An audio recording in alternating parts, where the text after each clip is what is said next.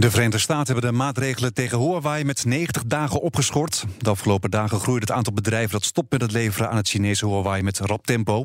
En ik ga het bespreken met het altijd leverende beleggerspanel met daarin deze week eh, Marco Groot. Hij is voormalig hoofd aandelen Rabobank International en tegenwoordig partner bij Consultant 8 Days a Week. Karel Merks, hij is beleggingsspecialist bij Beleggersbelangen en Lodewijk eh, van Kroft is eh, partner bij beleggingsonderneming Comgest. Nou, we beginnen eerst maar eens met jullie laatste transactie en waarom. Marco, vertel wat is jouw laatste transactie geweest? De laatste tijd eigenlijk helemaal niks gedaan. Waarom niet? Omdat ik vind dat we heel erg zijwaarts bewegen. En dat er niets is wat mij in het, in het oog schiet. Ik zit misschien op een momentje te loeren dat, uh, dat er een vreemde beweging in Unilever plaatsvindt. En dat ik daar eens wat dieper in ga duiken. Maar vooralsnog wil ik eerst zien wat de richting is voordat ik. Uh, ja, je zit er wachten op een kans eigenlijk. Ja, eigenlijk wel. Ja, het is nu een beetje stuurloos allemaal. Ja, we, we zien af en toe hele vreemde bewegingen. En als er een keer zo'n vreemde beweging is, dan, uh, dan hoop ik die uh, op tijd te kunnen pakken. Ja, dus je zit een beetje op je handen nu eigenlijk. Ja, ja oké. Okay. we weten wat het gaat worden. Karel, jij ook? Nee, ik heb uh, aandelen Wheaton bijgekocht. Dat is een partij dat goud en zilver koopt van mijnbouwbedrijven voor een vaste prijs. En op het moment dat goud en zilver dan stijgen, dan profiteren zij mee met een hefboom. En de reden is dat afgelopen jaar hebben we gezien dat de wereldeconomie, wereldhandel beetje bij beetje aan het vertragen is. Mm Belangrijke exportlanden bevestigen dat nog steeds Zuid-Korea, Japan en Duitsland. Dus op het moment dat ik Wheaton kan kopen wanneer het naar beneden gaat, zoals nu twee maanden geleden, zonder ze 25 dollar. En voor beurs vandaag staan ze 1990. Dus een goede prijs eigenlijk goede voor jou. prijs. Dus mensen worden weer enthousiast. Terwijl ik denk dat de wereldeconomie nog steeds aan het vertragen is. Dus ik koop uh, Wheaton bij op de huidige dip. Ja, dus er zitten wel genoeg kansen eigenlijk. Uh, zeker. Er zijn altijd kansen op de beurs. Ja, Lodewijk, wat is jouw laatste transactie? De laatste transactie die we hebben gedaan is onder andere in Hoya. En Hoya is een Japans lenzenbedrijf. Ze maken zowel contactlenzen als lenzen voor andere toepassingen. Denk aan endoscopie. Uh, maar bijvoorbeeld ook voor de semiconductor-industrie. En dat is natuurlijk juist een van de sectoren die op dit moment kwetsbaar is voor wat er in Amerika gebeurt. Ja, en waarom hebben jullie dan juist in dit bedrijf geïnvesteerd? Maar we denken dat het een, een wereldmarktleider is uh, die onafhankelijk van wat er gebeurt in Amerika uh, zou moeten profiteren van de toegenomen vraag in die chipindustrie. Die hm. lenzen is een hele specifieke tak van sport. Dat hebben we gezien met ASML destijds ook al. Um, dus we maken ons daar niet al te veel zorgen ook, uh, over, gezien het feit dat ze ook op, op meerdere borden actief zijn. Maar die situatie rond technologie in China is wel een uh, punt van zorg. Ja, en Talita, jij belegt niet, hè? Nee, maar ik zou wel heel geïnteresseerd zijn in welke bedrijf je ook duurzaam zou kunnen beleggen. Omdat daar mijn interesse oh, je, bent, je, bent, toch ja, Als ik zou willen beleggen, zou ik het willen doen met bedrijven waarvan ik denk, nou, die hebben positieve impact op uh, de wereld of doen iets komt er, uh, tegen komt, klimaat. Hebben jullie daar? Komt er een tip boven? Tips ik had het net over Unilever. Hè? Ja, en het interessante ja, vind ik aan Unilever dat als je de, de webpagina van Unilever als corporate openslaat, dan begint het niet over hoe groot ze zijn en hoe goed ze zijn... of hoeveel geld ze verdienen. Maar ze proberen uit te leggen wat ze doen voor de wereld. Ja. En dat is precies de reden waarom ik dit een interessant vind. Ja, dan ga ik jou volgen in Unilever. okay. Maar eerst maar eens weer die handelsoorlog. Hè? Ja, Amerika heeft restricties eh, tegen Huawei met 90 dagen uitgesteld. De afgelopen dagen liep met eh, Google, Qualcomm en Intel... het aantal bedrijven dat Huawei op een zwarte lijst zette hardop. Het was ook uh, te zien aan de koersen van de, de, de chipbedrijven bijvoorbeeld. Wat denken jullie? Geven die 90 dagen een beetje lucht? Ik weet eerlijk gezegd niet wat je precies daarmee gaat bereiken met 90 dagen respijt. Want dat zorgt er eigenlijk alleen maar voor dat bedrijven misschien beter in staat zijn om, om de klap op te vangen.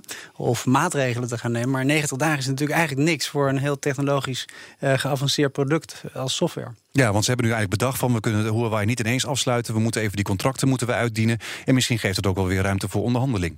Klopt, en dat zien we ook de afgelopen maanden op de beurs. En op het moment dat de handelsoorlog escaleert, dan gaat het naar beneden. Ja. Uh, vorige week zei Trump van nou, we stellen die um, importtariefverhogingen voor Europese auto's uit. We gaan weer praten met Canada. En we komen er met China wel uit op de G20. Uh, Japan krijgt nog wat positiefs te horen. Aandelen stijgen weer. Toen kwam Huawei.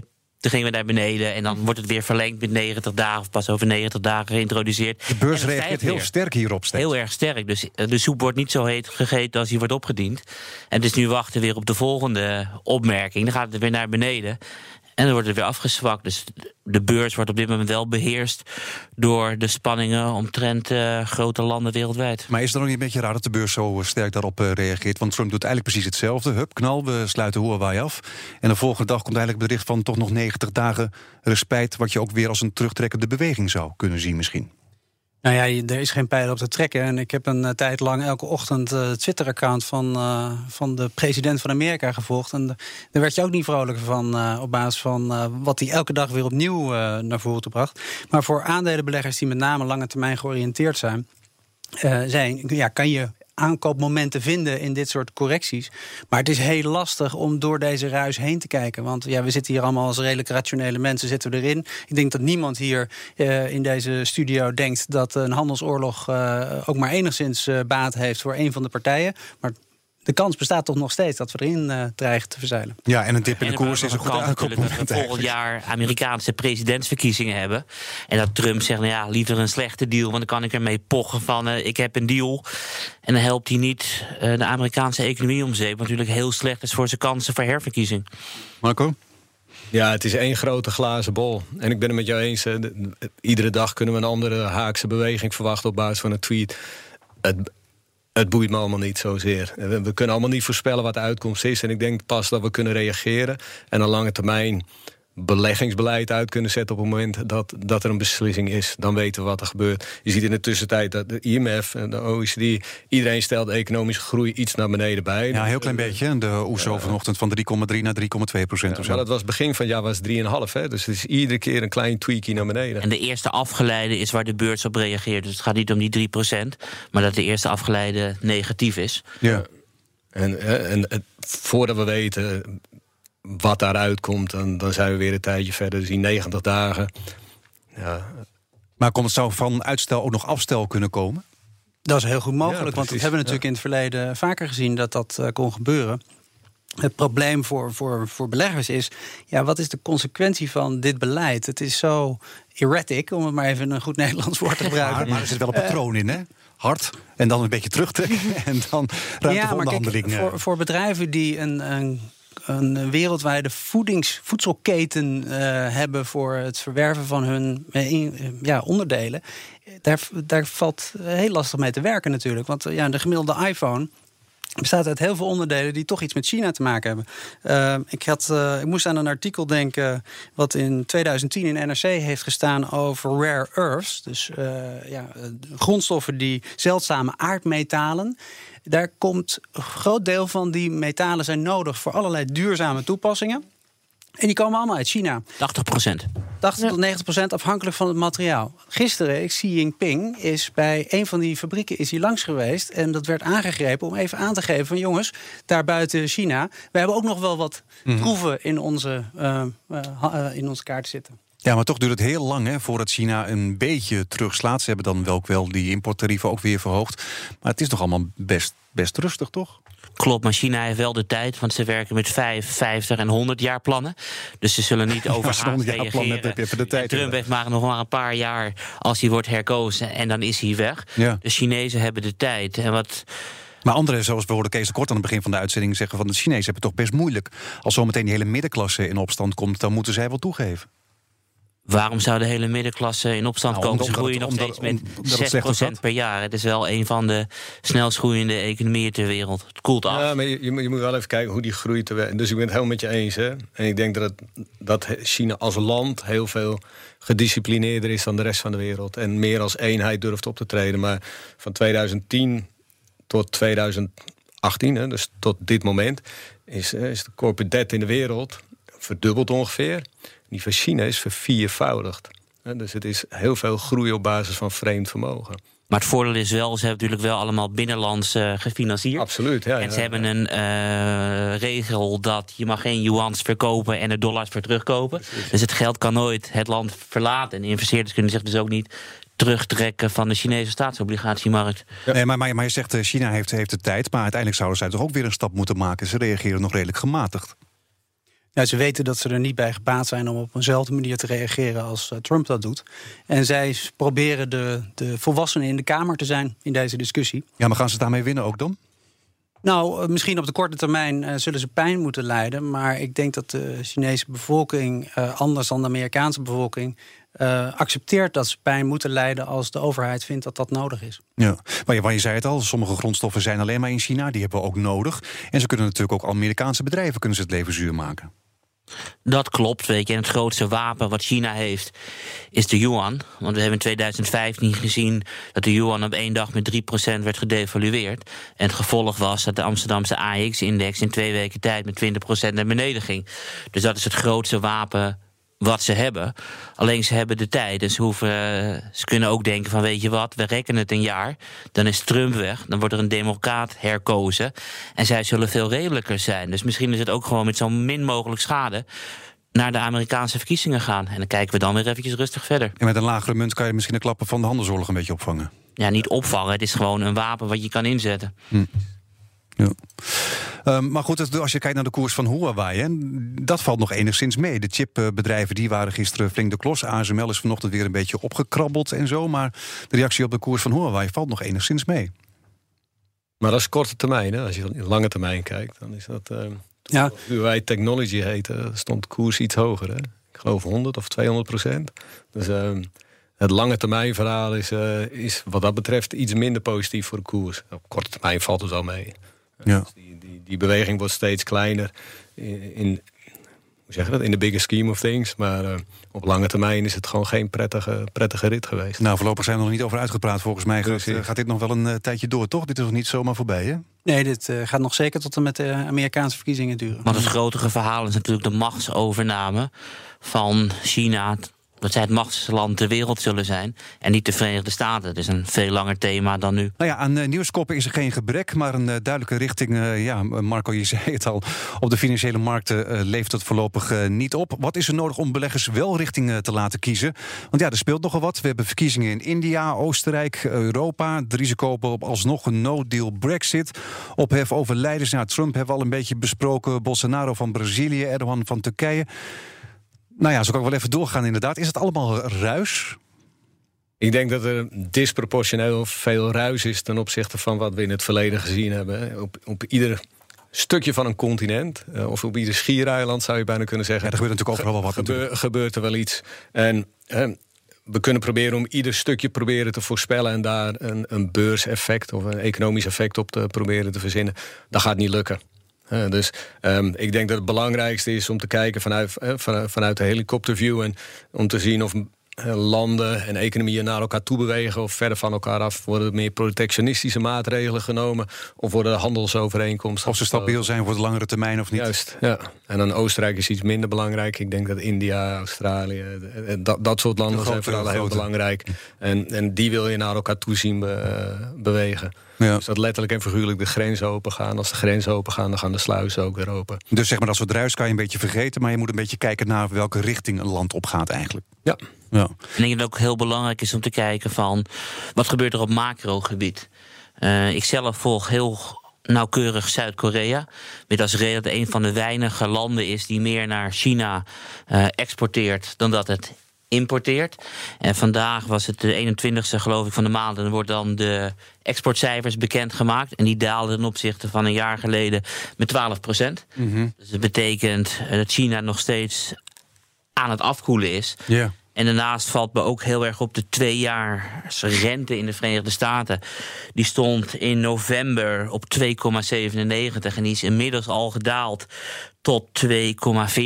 En dat betekent dat beleggers uh, renteverlagingen aan het inprijzen zijn van de Amerikaanse Fed. Ja. En als je dan kijkt naar een volledige cycli, vanaf de eerste renteverlaging tot de laatste renteverlaging is niet de periode dat je uh, vol in aandelen moet zitten. Nee, oké. Okay. Nou, we gaan zo meteen gaan we het nog over die uh, vet hebben inderdaad. Want morgen komen ze dus met uh, de notulen, hè? Klopt, en het is ook heel belangrijk, want in 2018 was de vet heel streng.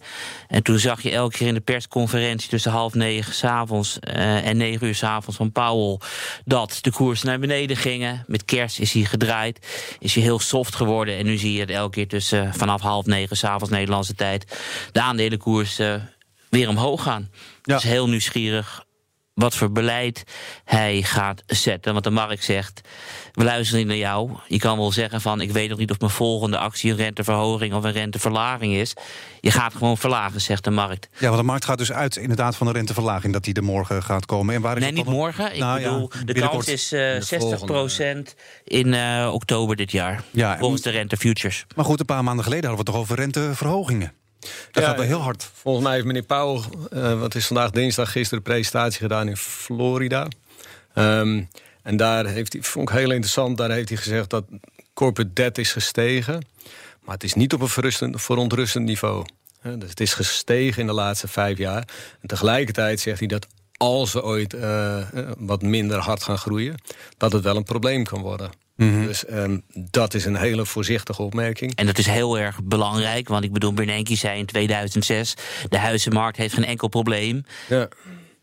En nu zegt hij, er is misschien een probleem in de toekomst. En dat moet je dus lezen als, er is een probleem. Ja. Nou, misschien moeten we niet al te negatief worden... want anders hangt iedereen daar in de vangrail uh, die luistert. Het moet wel een beetje leuk zijn om naar te luisteren, dit programma natuurlijk. Ja. ja, kijk, ik denk dat de Amerikaanse economie eigenlijk nog een hele goede doen is. Um, en dat uh, er sprake is van een vertraging, absoluut.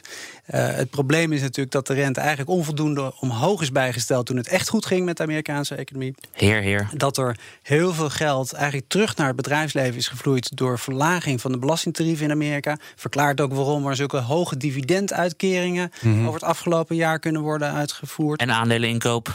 En aandeleninkoop. Uh, ik heb in een vorige uitzending hier wel eens een keertje gezegd dat eigenlijk die maatregelen van Trump uh, te laat in de economische cyclus kwamen. Dat te veel bedrijven al te veel geld hadden en dat geld dus eigenlijk niet nodig niet hadden voor investeringen. Ja, ja. En daarom geven ze dat terug via dividend of eigen aandeleninkoop. Maar ik zou niet al te negatief willen zijn over het economisch beeld. Uh, ja, het vertraagt. Uh, en uh, zeker als China vertraagt, gaan we daar met z'n allen in toenemende mate last van ondervinden. Net zo goed als dat we er baat bij hebben gehad toen het goed ging met China. Dus eigenlijk is niemand erbij gebaat om China een, een, stok in het wiel te steken. Tenzij je politieke opportuniteit gebruikt. Zoals Trump die op dit moment hanteert. Ja, want Trump wil ook lagere rentes, hè? Klopt, Trump wil lagere rentes. En hij geeft aan dat het niet eerlijk is. Want zijn voorganger had, geloof ik, één renteverhoging. Oh, hij gaat het einde van de termijn. Ja. En hij heeft er zeven gehad. En geen quantitative easing, maar quantitative tightening. Dus het is hartstikke oneerlijk ja, in zijn wereld. Maar het FD kopte van de week iedereen verwacht dat de Fed de rente verlaagt, behalve de Fed. Ja, het, het, duurt nog heel lang voordat de rente daadwerkelijk verlaagd zal worden. Maar ik denk dat er veel meer signalen zijn dat ze in ieder geval niet verhoogd worden. En dat, eh, dat, het, dat het beleid vooral accommoderend zal zijn. Eh, we hebben het over, over een klein beetje teruggang in de economie. Dus ik ben het met je eens, het is helemaal niks dramatisch. Maar we komen van, uh, van, van redelijk goede niveaus af. Tegelijkertijd zijn de winsten die gepresenteerd worden, zowel aan de, aan de aan de topline, dus aan de omzet als aan de netto winstkant, heel veel beter dan analisten nog steeds verwachten. En dus volgens mij was 75% van de cijfers beter dan verwacht. Met een gemiddelde outperformance van 7%. Dus ik kan wel even wachten eigenlijk. alleen de beloning voor die outperformance is heel klein. Want in het verleden was uh, de duurzame uh, koersverhoging, uh, stijging een procent of twee. En die zit nu rond de 1 procent. Dus het extra geld wat naar de markt toe komt, is heel veel minder geworden. Ja. Ironie is wel dat de inflow lager is nu in, in markten. Alleen de buybacks zijn weer groter geworden. Dus per saldo is er in, in, in geldflow niks veranderd. Ja. Maar Trump blijft ook steeds hameren hè, dat hij een lagere rente wil. Als de Fed dat nou uiteindelijk gaat doen, kunnen ze misschien ook nog beschuldigd worden van... zie je wel, ze zijn zo onder druk eh, gezet, eh, ze moesten wel. Nee, ik bedoel, de Fed zal het pas doen op het moment dat er echt duidelijk aanleiding is. Maar ja, de markt verwacht het al een beetje nu natuurlijk ook. Klopt, maar je ziet ook de ISM's en de PMI's uh, dalen. De aantal huizen verkopen daalt. De retail sales valt tegen in de Verenigde Staten. Dus ik bedoel, als het nog wat verder vertraagt... dan zal de Fed altijd daar naartoe wijzen en niet naar Trump. Ja. Krijgen we morgen niet ook een mortgage application report? Volgens mij is dat morgen ook. Dat is ook een goede indicator. Een wat? Eh, hoeveel mensen in Amerika een, een hypotheekaanvraag doen. Ja, ja daar kijkt iedereen altijd heel erg naar in Amerika inderdaad. Naar hoeveel mensen inderdaad... Volgens mij is dat ook morgen. Ja, want dat zegt iets over de economie uh, natuurlijk ook. Maar als er dan dat handelsconflict weer wordt opgelost... dan praten we misschien over een tijdje weer over renteverhoging? Of, uh? Gaat het niet zo simpel. Nou, dan kunnen we in ieder geval economische groei wat naar boven bijstellen. En als die naar boven bijgesteld wordt, dan kunnen we misschien weer eens kijken naar rente. Maar vergeet niet dat uh, de Amerikaanse overheid sinds de 18e eeuw recessies bijhoudt. Hm. En het is nog nooit voorgekomen dat de Amerikaanse economie meer dan 10 jaar groeit. We zijn sowieso in de verlenging van deze economische cycli. Ja. Waar beleggers in ieder geval eh, niet over mogen klagen is het uh, dividend. In het eerste kwartaal is daar een recordhoeveelheid van uitgekeerd, namelijk ruim 263 miljard dollar. Ja, is dat een eh, teken dat het goed gaat of ook een gebrek aan uh, alternatieven omdat het geld tegen de plinten klotst, zeg maar? Het, gaat, het gaat goed wat je altijd hebt. dit soort, ja, maar dit soort cijfers is dan niet gecorrigeerd voor inflatie. Dus als je elk jaar 2, 3 procent inflatie hebt, zou je ook elke keer nieuwe recordstanden hebben in dividenduitkering. Maar wat Marco ook zegt, het internationale bedrijfsleven draait gewoon goed. Er is heel veel cash. Uh, en dat cash is van de aandeelhouder. Dus op het moment dat er als het goed gaat, meer naar de aandeelhouder toe gaat, ben ik en Marco volgens mij allebei mee eens dat het een goede gang van zaken is. Ja, plus het is een kwestie van optimale financiering. Hè. Als, als geld heel goedkoop is, uh, je kan hele ingewikkelde sommetjes maken... wat, wat je uh, gemiddelde kosten van kapitaal zijn. Als je met wat meer schuld, wat meer dividend uit kan betalen... en daardoor je balans kan optimaliseren. En dat gaat helemaal door in, in fiscale rekensommetjes. Ja, waarom, waarom zou je het dan niet doen? Omdat je goedkoop geld kan lenen voor eventuele investeringen. Uit, en uiteindelijk is het dividend het belonen voor de aandeelhouder... voor het verschaffen van risicokapitaal. Op het moment dat je het risico risicokapitaal fiscaal optimaal kan, kan draaien naar wat, wat meer uh, schuldgedreven uh, balans. Waarom niet? Dus is eigenlijk belastingtechnisch dat die dividend zo hoog is? Heel vaak wel, ja. Dat, dat is ook vaak de, de reden waarom bedrijven uh, toch aandelen inkopen in plaats van dividend uitkeren. Omdat misschien willen ze wel liever dividend uitkeren, maar is een aandeleninkoop fiscaal vriendelijker voor het bedrijf zelf. Het is ook natuurlijk de reden waarom de Democraten zo te hoop liepen eerder dit jaar uh, over de enorme dividenden en aandeleninkoopprogramma's. En dat er te weinig geld in de reële economie terechtkwam van de fiscale maatregelen van de regering Trump. Ja, alleen maar gestimuleerd zeg maar door die fiscale maatregelen. ja, ik weet niet hoeveel kandidaten zich op dit moment aan de democratische kant aan het warmlopen zijn voor die presidentsverkiezingen. Nou, een heleboel hebben zich gemeld volgens mij. Kwijt, ja. Lodewijk, kunnen we MMT erin gooien of is dat... Uh... Uh, maar je, je merkt gewoon dat, uh, dat aan de democratische kant dat uh, dit wordt aangegrepen om te zeggen: ja, het komt eigenlijk niet ten goede aan de gewone burger. Nee, en hebben ze daar gelijk in? Daar hebben ze zeker, ja, hebben ze zeker, zeker, gelijk zeker, zeker, zeker, gelijk. En ja. alleen nu zie je ook dat er aan de linkerkant van de Democratische Partij allerlei mensen opstaan die zeggen: Nou, we moeten eigenlijk als overheid moeten we veel meer grip hebben op die geldhoeveelheid. En we gaan die centrale bank gaan we wat dichter naar ons toe trekken. En dat noemen we dan de moderne monetaire theorie. Ja. En uh, we hebben namelijk ervaren dat die rente toch niet verder omhoog gaat. Dus we moeten eigenlijk gewoon die economie gaan stimuleren door als overheid meer geld uit te gaan geven. Nou, en dan dan hangen we met z'n allen in de vangrail. Okay. En misschien nog een niet onbelangrijk argument. Bedrijven kunnen acquisities ook gewoon duur vinden. Dus misschien dat het rendement voor het aandeel zelf uh, beter is als het dividend uitkeren... in plaats van dat ze acquisities plegen, omdat die relatief kostbaar zijn. Oké, dank jullie wel. Want op de knipmomentje. Lodewijk van der Kroft, hij is eh, partner bij eh, beleggingsonderneming Comtest. Marco Groot, voormalig hoofdaandelen Rabobank International... en uh, vertegenwoordig partner bij Consultant 8 Days a Week. En Karel Merks, beleggingsspecialist bij Beleggersbelangen.